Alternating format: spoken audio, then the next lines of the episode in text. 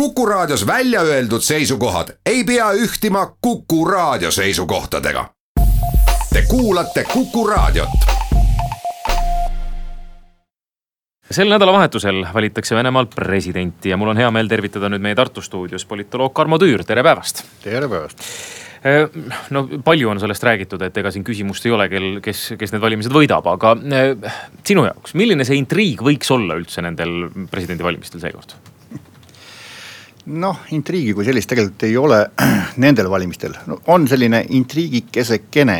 et siis see, kui suureks suudetakse pumbata osalus ehk siis valimisaktiivsus et äh, korduvalt on räägitud sellest, et nii-öelda ideaalskeem sellise poliittehnoloogilise meeskonna jaoks, kes Putini kasuks töötab, on siis seitsekümmend, seitsekümmend, et mhm. seitsekümmend protsenti osalust, seitsekümmend protsenti Vladimir Putini toetajaskond.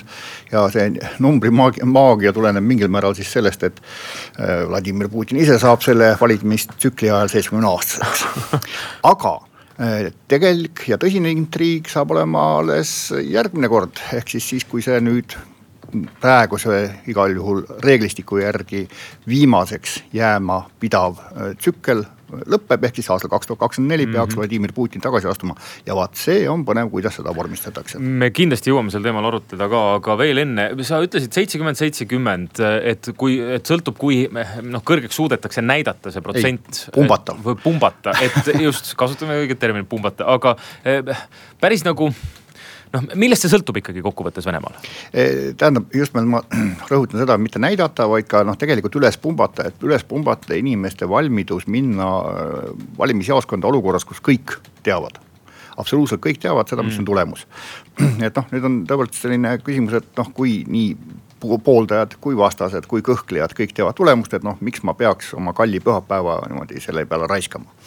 ja vot nüüd neid igasuguseid noh, niimoodi selliseid lisavidinaid on sinna külge kruvitud, et, et asjale veidi atraktiivsust anda, et kus siis on mingisugused näiteks kontserte, massiliselt sel päeval korraldatakse igasuguseid kontserte, meelelahutusüritusi, spordivõistlusi, konkursse, noh näiteks meie kõrval siin see Pihkva oblast, seal siis kohalik valimisjaoskond kuulutas või valimis valimis, äh, mitte jaoskond, jah, komisjon, valimiskomisjon kuulutas välja sellise konkursi, et kõik, kes lähevad valima, tehku endast valimiskabiinis selfie saatku see siis valimiskomisjoni veebilehele või sotsiaalmeedia kont-, kontole ja nende vahel siis loositakse välja rikkalikult igasugust nänni seal noh, sülearvuteid ja telefone ja muud sellist kraami. nii et see on selline jõuline ülespumpamine käib. siin tasub meelde tuletada analoogne juhtum meil Eestis, mis tõi kaasa selle, et kõik mobiiltelefonid keelati valimiskabiinides ära, seal on vastupidine olukord, ma saan aru Pihkvas. jah, sest noh, kuidagimoodi on vaja see huvi tekitada ja noh, pane kokku need paar asja, noh et praegu on selfie tamine on moes, sotsiaalmeedias enda enda piltide levitamine on moes. ja kui selle eest sulle veel lubatakse mingisugust nänni anda, noh et järsku, järsku toob mingi protsendi noori sinna valimiskabiini, kes noh, muidu oleks nagu võib-olla ehk niimoodi loium tulema. ma kuulasin täna hommikul Jaanus Piirsalu andis meie hommikuprogrammile ka intervjuu ja tema ütles, et, et tõesti seesama, et ei ole intriigi, et kõik juba teavad ette, kes on võitja, et see väljendub ka selles, et ei ole ka kampaaniat väga palju näha eh, linnatänavatel, et eh, mõned üksikud Vladimir Putini plakatid ja et eh, noh, tõesti on, on siis pigem mindud seda teed, et umbes pakutakse apelsini ja banaani, et inimesed kohale tuleksid. kuidas selle kampaania, kampaaniaga on? Et jah, need plakatid, mida siis val-, valvatakse enamasti eh, eravärvides autodest, sest et eh, mingil hetkel läks peaaegu noh, sellise kampaania korras läks käima üle Venemaa nende plakatite sodimine ja, ja, ja sinna peale igasuguste asjade kirjutamine ja munadega loopimine ja nii edasi. ja nüüd, et siis kaitsta seda ikooni staatuses olevat eh, valimisplakatit, siis sinna juurde pandi püsiv mehitatud valve, noh niimoodi kõlab pisut otakalt, aga no mis teha, sellised on reaaliad. aga kampaaniat kui sellist jah, loomulikult, ega noh, no, no ta justkui on ka olemas, eks ole, et noh telekas on aeg eraldatud veel hästi vara hommikul ja, ja hästi hilja õhtul ja, ja raadiotes justkui nagu mingisugused debatid ka toimuksid, aga seal seal, sealne esinemine ei ole atraktiivne isegi nende jaoks, kes ka noh, nii pooltõsiselt seda mängu kaasa mängivad, sest nad saavad aru, et. et noh, need on sellised ajad ja sellised teemad ja sellised figuurid, et noh, noh, kes see pagan neid kuulab, et noh, see ei, see ei ole ju, see ei ole põnev isegi nende enda jaoks, rääkimata siis kuulajate jaoks no kui meil on tavaliselt valimised, siis ikka vaadatakse, et milliste teemadega tulevad kandidaadid lagedale, kas seda, seda on vaevutud üldse tegema, kas Vladimir Putin on nüüd nende valimiste eel mingeid teemasid tõstatanud? no tema siis selliseks nii-öelda noh, nimetame siis tinglikult valimiseelseks kihutuskõneks oli see pöördumine siis parlamentide mm -hmm. ühisistungi poole, mis ta tegelikult, eks ole, rikkus põhiseadust, see oleks pidanud olema eelmisel aastal, ta lükkas selle edasi järgmisse aastasse, nüüd oleks pidanud olema veebruari alguses aga kuna siis toimusid mitmed halvad asjad korraga, muuhulgas, eks ole, Süürias sai see Wagneri grupp sai nina pihta, siis Vladimir Putin niimoodi kadus ekraanilt umbes nädalaks ajaks ja peale seda siis teatati, et nii, nüüd vot see toimub siis. ja vot selles kõnes nüüd noh, sisuliselt ainukene suur läbiv teema noh, peale selliste pisikeste olmeliste, et, et on vaja arendada ja parendada ja tõsta ja kasvatada. selle kõrval oli see umbes viiskümmend kaks minutit seda militaarset multiplitseeritud sõnumit. et meil on, millega vastata kõikidele meie vaenlastele, juhul kui oleks seda vaja samal ajal teised kandidaadid ju ikkagi ka eksisteerivad äh, presidendivalimistel. noh traditsiooniliselt Javlinski, Žirinovski on, äh, on kandideerimas, äh, võib-olla kõige rohkem furoori on tekitanud Ksenia Sobtšak. kes neist võib-olla kõige rohkem pildile on pääsenud seekord? noh, algselt oli neid ju üleüldse seitsekümmend mm, -hmm. kes teatasid, et nemad tahavad ennast üles seada siis nüüd reaalselt andis oma dokumendid noh, korrektsel moel vormistatult sinna valimiskomisjoni, kesk, keskvalimiskomisjoni sisse nelikümmend neli inimest ja seal oli tegelikult päris värvikaid ja. ja selliseid põnevaid tegelasi, et oleks olnud noh vahva näha näiteks, et millega oleks läinud lõpuni monarhistide partei esindaja et üks selline noh, seltsimees niimoodi Bakov, peamonarhist, kes siis andis dokumendid sisse ja kõik oleks nagu olnud peaaegu et nagu õige, aga siis ühel hetkel avastati, et oh sa pagan, aga tal on ühe teise riigi kodakondsus. Ja selleks teiseks riigiks oli tema enda poolt välja mõeldud virtuaalne Romanovite monarhia. Ja no siukseid lustlikke vahepalasid on ka, et ei tunduks, et kõik see nüüd väga igav ja tuim on. Mm. -hmm aga nüüd siis jah, eks ole, lõpuks äh, sealt valimiskomisjoni torudest mahtus läbi kaheksa nime noh, peale siis tema enda veel jah, needsamad need Žinovski ja, ja, ja Javlinski, vanad kalad. Eh, siis, eks ole, mis on tegelikult päris eh, huvitav, on Pavel Grudinin eh, kommunistide partei poolt esile tõstetud mitteparteiline kandidaat, kes on sellise mõnusa karismaga ja tegelikult, kui sa vaatad teda rääkimas, siis noh, tal on sellist noh, kergelt maamehelikku, kergelt isalikku, kergelt sellist võimukat, äh, sellist power'it on taga, et kui tema räägib, siis noh, tõepoolest sa isegi kuulad. ja, ja noh, laias laastus mees teab, mida ta räägib, ta on ikkagi ettevõtja ja, ja noh, teab teab, kuidasmoodi mooskomisisse saab. ja ma saan aru, et ka tema toetust on siin noh, jällegi, et kas on pumbatud või, või noh, me neid numbreid, kui palju me neid uskuda saame, aga tema toetus siiski on, on tõusnud siin viimase. ja, ja, ja, ja see on näha, et, et see on tegelikult tekitanud äh, Putini meeskonnas päris tõsist muret, sest teda Grudinit on hakatud ründama noh, kõikvõimalikul moel. aga siiski päris huvitav, et noh, asi on ju selles, et tuleb äh, väga täpselt aru anda, mitte ükski kandidaat, isegi kandidaadi kandidaat ei saa ennast üles seada ennem, kui ta on kooskõlastatud äh, presidendi administratsioonis. see käib mitte ainult presidendivalimiste kohta, vaid see käib ka nende presi- või parlamendivalimiste kohta ja, ja ka kohalike valimiste äh, nimekirjade esikolmikud kinnitatakse presidendi administratsioonis vastava kuraatori juures ära. et miks äh, presidendi administratsioon üldse laskis Zjuganovi asemel tõsta esile Grudinini, kui oli ette teada, et see Grudinin võib saavutada noh rohkem hääli ja, ja vot siin nüüd ongi see põhjendus. igasugune eh, tähendab õige vastus kõikidele küsimustele on valimisaktiivsus mm.. kui on küsimus, et miks kinnitati ära see kandidatuur, siis on lihtsalt selline lootus, et see kandidaat toob juurde mõne protsendi täiendavaid inimesi eh, valimisurnide juurde. et näiteks seesama Grudinin, kes on mittekommunist laseb oletada, et võib-olla hääletatakse, tuleb noh, mõni protsent lisaks valimisjaoskondadesse, kes ei hääletaks küll kommunistide poolt, aga on nõus Grudinini poolt hääletama. miks lasti Ksenia Sobtšak, just nimelt jälle seesama, see tema noh, kergelt show'lik, eks ole mm, -hmm. esinemine ja kõigi vastu nii-öelda formaalselt kandideerimine. et see lubab oletada, et see toob ka kaks-kolm, no võib-olla isegi viis protsenti täiendavat kedagi valimisjaoskonda, kes muidu poleks tulnud. nii et kõik see on selline poliittehnoloogiline manipuleerimine no Aleksei Navalnõi puhul, kui Sobtšak just siin oli, et kas tema siis peaks justkui seda, seda nišši täitma, noh näiliselt vähemalt ja,. jah, jah, jah, et kuna Navalnõit väga, väga, väga ei tahetud lubada sellesse, sellesse noh, nimetame seda siis valimistsirkusesse siis selle, selle rolli jah, pidi üle keegi võtma ja, ja Ksenia Sobtšak noh, niimoodi mingil moel ta ju võtab selle üle, noh kõrvuti Javlinskiga on noh, enam-vähem selline nišš on täidetud. no Navalnõi eemalejäämine valimistelt ei ole ilmselt üllatus ikkagi, et. ei, oleks olnud, oleks olnud väga üllatav, kui ta oleks sinna lastud, sest noh, see täiesti jah, selline nimemaagiline mm, rituaalne käitumine, kuidasmoodi Vladimir Putin pole kordagi maininud Navalnõi nime mm, -hmm. isegi siis kui otseselt küsitud, et mis te arvate Navalnõist, siis kõige lähedasem, äh, mida ta sinna juurde vastab, on see inimene just aga see põhjus, on seal midagi oletada taga, miks, kas see on kuidagi mingisugune noh, lihtsalt hoiaku näitamine, poos? Ei, ma oletan, et see on ikkagi päris noh, kas nüüd, nüüd tõsine, tõsine hirm, aga igal juhul üsna, üsna tõsine mure selle üle, et äh, Aleksei Navalnõil õnnestus mobiliseerida ilmselt ka talle endale ootamatult. märkimisväärne osa noori, üldiselt noh, suhteliselt apoliitilisi inimesi selle oma korruptsioonivastase võitluse noh, ütleme kampaaniaga.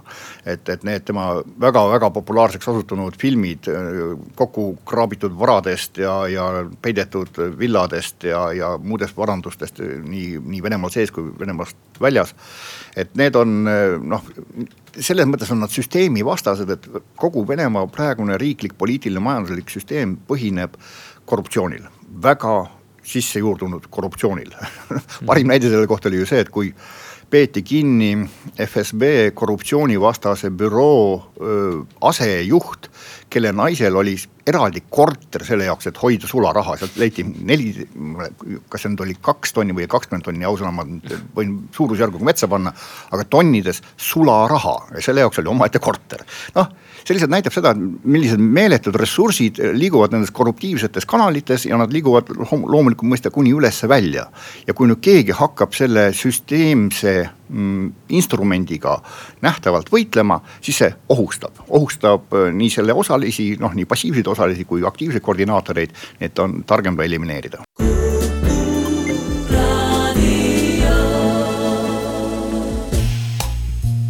Saadet majutab uuenenud hotell Tartu me jätkame politoloog Karmo Tüüriga äh, Venemaa presidendivalimiste teemal ja head kuulajad, teilgi on võimalik nüüd äh, valida telefoninumber kuus, kaks, üks, neli, kuus, neli, kuus, kui teil on küsimusi, mis puudutavad Venemaa presidendivalimisi. niikaua kui me äh, helistajaid ootame, Karmo, küsin ise ära veel ühe asja. väga palju on spekuleeritud selle üle, et kas need jäävad Putinile ikkagi, noh, see jääb siis Putinile viimaseks kuueks aastaks, et ta on väsinud. vastab see tõele? Teine ots vastab kindlasti tõele, see, et ta on väsinud. tähendab siis, kui ta näiteks vahepeal käis ära, eks ole, peaministri toolil jalga puhkamas mm. -hmm siis eh, noh, need inimesed, kes teda lähemalt tunnevad, ütlevad, et ta, ta, ta tõepoolest ta ei viitsinud ja ei tahtnud tegeleda nende tüütute selliste administratiivsete asjadega, mida riigivalitsemine tegelikult tähendab ja see ei ole ainult kõrgest pukist eh, kõnede pidamine, vaid see on koosolekute juhtimine, dokumentidega töötamine, igavesti tüütu jama. Ja ta ei tahtnud seda teha. Ja noh, nüüd presidendi ametis on näha veelgi rohkem seda, et ta ka oma kõnedes ja oma, oma retoorikas on muutunud selliseks noh, suhteliselt hoolimatuks, et varem ta ikkagi järgis päris palju noh, teatud selliseid enda jaoks ilmselt kehtestatud norme, et noh, vot see nagu ütleme niimoodi, et, et päris avalikult valetada nagu vast ei maksa ja, ja nii edasi, noh nüüd ta, nüüd ta tulistab puusalt ja, ja paneb, paneb sellega noh, näiteks kõige parem näide, kui ta andis Ameerika sellele telekanalile intervjuu, siis ta näiteks muuhulgas väitis seda, et tema ei ole kordagi muutnud konstitutsiooni mis on, mis on täielik jura jutt, sest on kolm korda seda teinud mm. -hmm. üks kord äh, seoses Krimmiga ja kaks korda seoses valimis äh, nende tähtaegade muutmisega. nii et ja noh, muid näiteid on veel ridamisi, nii et ta on jah, ta on muutunud väsinuks, ta on noh, no ei saa veel öelda ju, et vana, vana inimene, noh pole veel seitsekümmend. ta näeb väga hea välja. ja just nimelt noh, tõsi küll ilmselt, eks ole, botoksi ja muude asjade toel, aga noh, see selleks see, et kas see nüüd jääb talle viimaseks ajaks, vot see on küsimus, tõepoolest küsimuste küsimus, sest et noh võimalik oleks selle põhiseaduse muutmine, võimalik on tema jaoks mingisuguse alternatiivse posti loomine noh, umbes niimoodi riiginõukogu, mille esimehena ta siis te tegelikult hakkab valitsema. ja kusjuures jah, ega see, mis ma ennem mainisin niimoodi möödaminnes kerge huumori võtmes neid monarhiste, et ega, ega seegi idee päris, päris, päris ei ole maha võetud agendast. et näiteks üks praegune presidendikandidaat Titov, tema taga olevad siis sellised suurärimehed nende, nende ringkonnast on kostnud siis selline sõnum jah, et, et noh, need võiksid olla nüüd ju viimased valimised. et peale seda me peaksime naasema monarhia juurde et noh, kõik võtavad seda alati sihukese kerge muigega, et noh, seda ju ometigi ei juhtu, aga, aga ausõna, mina ei ole selles päris kindel, et seda ei juhtu. kuus, kaks, üks, neli, kuus, neli, kuus on helisenud vahepeal, võtame helistaja vastu, tere päevast. halloo hallo, tervist. tervist. ma peaks Kõrmo käest küsida, ma siin ütlen, kõigepealt vaatasin seda Kissiljovi saadet. no see oli noh, kuidas ütelda, paks lääne vastasusest ja üks Tel Avivist mingisugune vene ekspert rääkis seal südantlõhestavast, mismoodi halb ja kõik on sellest ja siis ma vaatasin seda Maria Zahharovat ja tema rääkis, et need USA väed on juba Vene pere ääres ja Inglismaa valmistab sõjaks Venemaaga. kas on seal siis nüüd sihuke kohutav hüsteeria on nüüd Vene lihtrahvale üles köetud, et kohe-kohe hakkab lääs sõda pidama Venemaa vastu. kas on neid ärritunud sellest Wagneri, mis nende venelased seal maha löödi ja siis selle mürgitamisest ja üldse sellest, mis te arvate, millest see on? aitäh helistamast ja küsimast, kuidas siis on nende viimaste sündmustega? jah, eks ta muret tekitab küll, et noh, ütleme niimoodi, et tihtipeale on võrreldud, et, et Lääs ja Venemaa on nagu uues külmas sõjas mm. -hmm et noh, see on nii ja naa, et ühest küljest noh, ta ei ole külm sõda selle vanas mõt-, mõttes, aga noh, kunagi ükski asi ei ole täpselt see, mis ta ennem oli. aga teisest küljest ka kõige mm, nii-öelda range või rängematel hetkedel ei lubatud endale nii jõhkrat sellist sõjakat retoorikat või nagu raketiga ähvardamist ei toimunud siiski. no võtame selle Hruštšovi selle kuskini mati maha, eks ole, kui ta nagu ÜRO kõnepundis ähvardas, et me veel teile kõigile näitame ja, ja noh, siis see ütleme Kuuba kriis sealt juurest. et aga sellist avameelselt rakettidega ja tuumahävinguga äh, ähvardamist niimoodi teleekraanilt nagu seesama Kisseljov on endale lubanud ja, ja ka Putin ise on korduvalt sellele viidanud.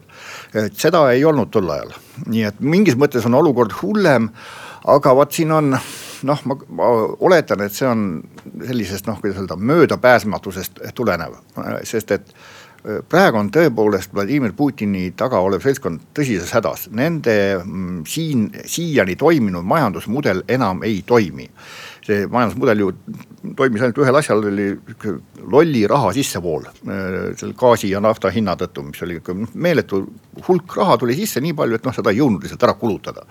nüüd see rahavool on noh, mitte päris lakanud, aga, aga ta on kolm korda õhemaks jäänud ja, aga inimeste isud ei ole ju kadunud ja nüüd tuleb leida kuskilt mingisuguseid täiendavaid ähm, mobiliseerivaid vahendeid, et kui varem Putinile oldi lojaalne ja tegelikult ka rahvas oli päris lojaalne, sest elu läks järjest paremaks. siis nüüd on alates neljateistkümnendast aastast on hakanud elujärg minema halvemaks ja seda tuleb millegagi kompenseerida. ja vot see sõjajutuga ähvardamine on üks kõige lihtsamaid mobilisaatoreid, et noh, et okei okay,, meil on küll külmkapp tühi, aga see-eest me oleme jälle taastanud suurriigi. me sõdime Süürias ja noh, me sõdime, kõik teavad seda, et me sõdime Ukrainas ka. aga asi on selles, et isegi mittesõdiva armee ülalpidamine on väga kallis lõbu, aga sõdiva armee ülalpidamine on oh pagan kui kallis lõbu. ja selle jaoks tuleb kuskilt võtta ressurss, seda näpistatakse praegu tervishoiu arvelt, meditsiini või tähendab hariduse arvelt, teadusrahastuse arvelt, igalt poolt, kust vähegi saab. igasuguseid noh, nii-öelda varem sisse ostetud teenuseid lõigatakse riigi küljest lahti. nii et kohtadel on inimestel elujärg läinud väga palju halvemaks ja vaat seda tuleb millegi kompenseerida. Nii et ilmselt mina lihtsalt oskan seda ainult niimoodi seletada mm., et see on kompensatsioonimehhanism. kuus, kaks, üks, neli, kuus, neli, kuus on helisenud vahepeal taas, tere päevast. mida ta seal äh, räägib, kui on, kui kolm aastat on ta noh kasvatanud oma seda VVP-d kaks protsenti ja kõik on ta riigid vastu ja nüüd ajab mingit kuradi möla seal. aga mis te arvate sellest äh, Theresa May'st, sellest lollist, et ähvardas viienda paragrahviga Venemaad? selge, aitäh helistamast, jutt käib siis NATO artikkel viiest. siin on mõned väga ärritunud kuulajad, mulle tundub. jah, küsimus oli pisut ebastandardselt vormistatud, aga jah, aga olgu peale e,. tähendab, see viienda artikli lauale panek on väga kõva sõna, seda ei tehta uisapäisa. Selle taga peab olema ikkagi noh, raudkindlad tõendid, et saab seda seostada just nimelt selle Venemaa poolse rünnakuga või Venemaa poolse aktsiooniga selle rünnaku taga sest et kui seda tõlgendada nüüd nii, nagu praegu hetkel seda tehakse, ehk see, et see ei ole mitte lihtsalt mürgitamine, vaid see on keemiarünnak mm. -hmm siis loomulikult ühte NATO riiki on rünnatud välisriigi poolt keemiarelvaga, sellele tuleb vastata ja noh, järelikult on seal taga piisav tõestusbaas, et, et sellega, sellega niimoodi tõsiselt suurele ekraanile välja tulla, mitte lihtsalt moka otsas kuskil öelda noh, niimoodi kellelegi. et ähm, ma ei oska ma ei, mul, minul ei olegi neid paganama doku- või dokumente või tõendeid käes, et öelda, et jah, see kindlasti oli Venemaa poolt korraldatud, aga seal noh, viitavad kõik jäljed sellele, et seal taga on kas siis Venemaa hooletus või siis otsene Venemaa tegutsemine. et järelikult oli selleks põhjust. no siin on muidugi ka see, mis on ju korduvalt läbi käinud, et ka Venemaa on seda öelnud, et, et noh, Suurbritannia on teatanud, et Vene diplomaadid saadetakse riigist välja, et kõrgel tasemel diplomaatilise, diplomaatiline suhe külmutatakse. Venemaa on öelnud, et noh, et meil, vist Sergei Lavrov, kes ütles, et läbi põranda pole võimalik enam kukkuda, et need niikuinii on need äh, suhted ju jahedad läänega. et ma ei tea, kui palju see võib üldse Venemaale mingisugust mõju avaldada eh ega kuidas öelda, otseselt muidugi ei avalda, ega noh, lõppkokkuvõttes saadetakse diplomaadid välja, ega siis sellepärast äh, maailm seisma ei jää ja, ja noh, Venemaa ei lähe häbenedes nurka ja ei ütle, et vabandust, ma enam nii ei tee. aga Venemaa väga hoolib oma noh, kuidas öelda nüüd siis prestiižist et ta oleks lugupeetud ja oodatud ja no väga suur osa kogu sellest retoorilisest propagandistlikust masinavärgist töötab ju selle peale, et näidata seda, kuidasmoodi tegelikult Venemaad kõik austavad. aga vaadake noh, lihtsalt need mõningad äh, lääne siis valitsevate ringkondade esindajad, et need siis noh, üritavad konkurenti Venemaa näol äh, maha suruda, aga tegelikult kõik peavad hirmsasti Venemaast lugu ja vot iga selline kord, kui noh, tuleb välja, et, et, et nii väga ei peetagi lugu, noh kas seesama olümpia lugu, eks ole, kui, kui Venemaa ei tohtinud oma lipu all välja minna ja, ja nüüd, et, et on siis see jalgpalli maailmameistrivõistluste korraldamine on küsimärgi all ja nii edasi. see on hirmus löök reputatsiooni pihta ja, ja see on valus, vaatamata sellele, et selle juurde, eks ole, tehakse nii-öelda head nägu või halba nägu. aga reputatsiooniline kaotus on täpselt samasugune kaotus nagu majanduslik. muide, praegu värskelt on tulnud äh, teade BNS-is, äh, Briti välisminister Boris Johnson on öelnud nüüd, et on üli, ülekaalukalt tõenäoline, et korralduse kasutada närvimürki Inglismaal elava Vene topeltagendi vastu andis Venemaa Venemaa president Vladimir Putin. ehk siis eh, otseselt süüdistanud nüüd Venemaa presidenti, et kui siiani Suurbritannia on öelnud, et see on noh niimoodi eh, ebamääraselt, et selle taga oli Venemaa, et siis nüüd eh, Boris Johnson on astunud, astunud sammuks edasi ja otseselt ka Putinit süüdistanud selles, ma ei tea. nojah, paratamatult vot siin kohapeal tuleb paralleel sellega, et kui täpselt sama kindlalt väideti seda, et, et Iraanis on või täpsemalt, et Iraagis on massihävitusrelvad ja me teame täpselt, kus, kus need on ja mm. läheme ja leiame ja vot siis mindi ja ei leitud nii et no väide on kõva, väga kõva, aga, aga kas selle väite taga nüüd ka päriselus midagi on, ma ei tea, see on, see on puhas spekulatsioon. seda me alles näeme, kuus, kaks, üks, neli, kuus, neli, kuus äh, on helisenud, tere päevast. tere. Eesti-Vene piirileping allkirjastati kaheksateistkümnendal veebruaril kaks tuhat neliteist ja neli päeva hiljem, kahekümne teisel veebruaril Harkivis toimus Ukraina venemeelsete poliitikute nõupidamine, kus võeti suund Krimmi ühendamiseks Vene Föderatsiooniga. ja Toomas Alatalu on kirjutanud, et Harkivi nõupidamise Kremli-poolne võtmeisik Mihhail Margelov jõudis veel sõita kahekümnendal veebruaril ootamatult Tallinna, et innustada riigikogulasi piirilepingut kiiresti ratifitseerima ja seda ilma üllatusteta kui Eesti-Vene piiripakt oli kavandatud hea tahte märgiks Euroopa üldsusele Krimmi ühendamise kõrval ja Ukrainas toimuva suhtes, kas see piiripakt üleüldse edaspidi on aktuaalne Kremli jaoks ja kas Eesti peaks selle paktiga otsekohe kaasa minema, kui see Moskva jaoks tähtsaks muutuks? aitäh küsimuse eest. ma nüüd küll ei saanud aru terminist pakt aga noh, tõenäoliselt peeti silmas lihtsalt piirilepingut kui sellist jah, jah. Oh no see on jah, väga pikalt ja korduvalt leierdatud teema, aga okei. Okay.. et ühest küljest jah, piirileping on parem kui mitte piirileping, noh oleks nagu hea, kui ta oleks. aga teisest küljest ma olen korduvalt seda väitnud ja, ja teen seda uuesti, et meie jaoks ei ole see hetkel eluliselt oluline probleem. me ei peaks tegelema iga hinna eest selle lepingu saamisega et kui see nüüd ühel hetkel muutub tõepoolest aktuaalseks, et no siis võiks nagu sellega edasi liikuda küll, jah, aga tuleb mõelda väga seda, et igasugune leping, mis tehakse riigiga, kes rikub rahvusvahelisi reegleid, on selle riigi legitimeerimine. Venemaa, kes rikkus kõikvõimalikke mõeldavaid rahvusvahelisi reegleid Krimmi annekteerimisega, ei peaks olema nüüd ausalt öeldes see riik, kellega me väga ihaleksime mingisuguseid järgmisi leppeid sõlmida, nii et mm, mina olen selles mõttes pigem äraootaval seisukohal, et meil ei ole vaja kiirustada ja isegi kui nüüd oletame, et homme tuleb mingisugune signaal Moskvast, et me oleme valmis sellega edasi liikuma, et teie nüüd tehke midagi, ma ei tea küll, mida. siis noh, me võiksime öelda, et ja, ja tore on, aga me, me natuke mõtleme veel. sa mainisid, Karmo äh,, Krimmi äh,. kui vaadata üldse nagu valimistele väljaspool Venemaad, et me oleme siin rääkinud, aga, aga ka ju Venemaa kodanikud teistes riikides saavad ju Venemaa presidenti valida, siis siis äh, kuivõrd oluline Vladimir Putini jaoks näiteks on see, milline tulemus või, või valimisaktiivsus saab olema Krimmis, sest kõik see toimub ju Krimmi annekteerimise aastapäeval ja, ja mitte lihtsalt ei toimu, vaid see noh teadlikult nihutati mm -hmm. sinna, et ähm, noh, loomulikult on oluline, loomulikult on oluline eh, mitte ainult Krimmis, vaid ka noh, siinsamas, eks ole, Eestis, et eh, mida arvavad needsamad välisriikides elava, elavad venelased, ka see on oluline, noh, Krimm Venemaa seisukohalt praegu ei ole välisriik, see on nagu nende Just. osa loomulikult see on märgiliselt üüratult oluline, sest noh, suuresti ja sisuliselt on see valimine nüüd nagu referendumilaadne toode, et kas te kiidate heaks Vladimir Putini senise poliitika,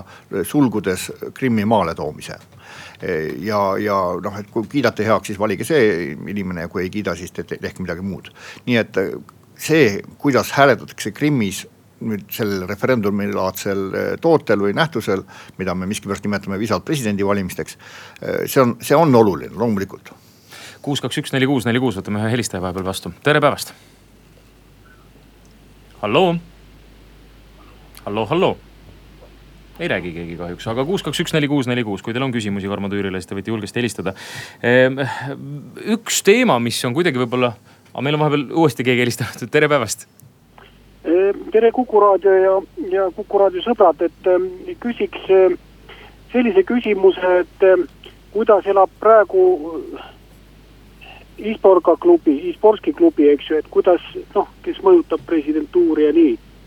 ja teiseks, et ähm, see monarhia ütleme, selline kõlakas on käinud siin ka teiste persoonide osas, et Hiina, Hiinas ka täiesti võimalik, et keegi kipub kipub juba sellist äh, ülimuslikuks natukene. aga jah, et kuidas see e-sportski klubi nüüd töötab ja kui palju ta oma nõuannetes äh, avalikult äh, figureerib, see oleks päris huvitav. aitäh küsimuse eest pean tunnistama, et ma ei ole tähele pannud Izborski klubi tegevust sel aastal, ma ei ole kuulnud, et nad oleksid sel aastal istungit korraldanud, eelmine aasta oli neil kolm tükki. sel aastal ma ei tea, see võib olla täiesti minu tähelepanematus.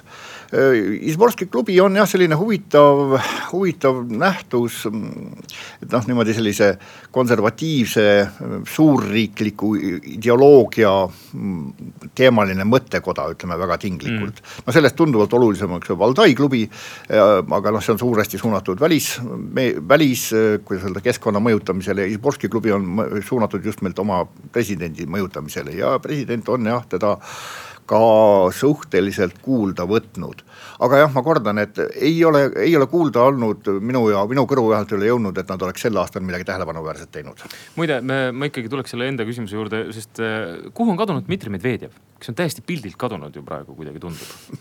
ta on peaminister jah, paberitel küll, aga, aga kui me vaatame noh, kasvõi siin, ma ei tea, meedia esinemiste ja muu säärasega, siis nagu ei eksisteerikski. jah jah, ei no selles mõttes mm, veel nädalpäevad tagasi ma nägin ühte uudist, et jälle seal Dmitri Anatolijevitš Medvedjevi allkirjaga kinnitati ära seal mingisuguste eripensionite maksmise kord.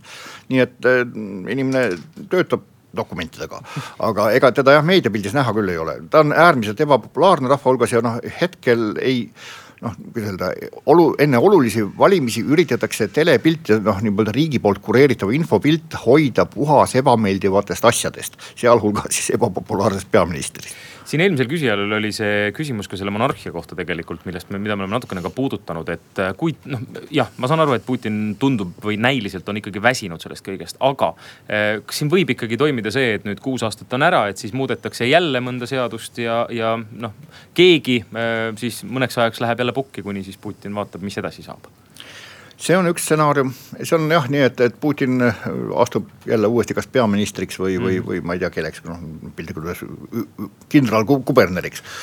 ja, ja siis tuleb tagasi, ei saa absoluutselt välistada seda. teine võimalus on jah see, mis ma kordasin, et, et luuakse tema spetsiaalselt tema jaoks mingisugune äh, ülimuslik organ, et sisuliselt jääb tema valitsema, kuigi ta nagu justkui astub vormiliselt võimult kõrvale.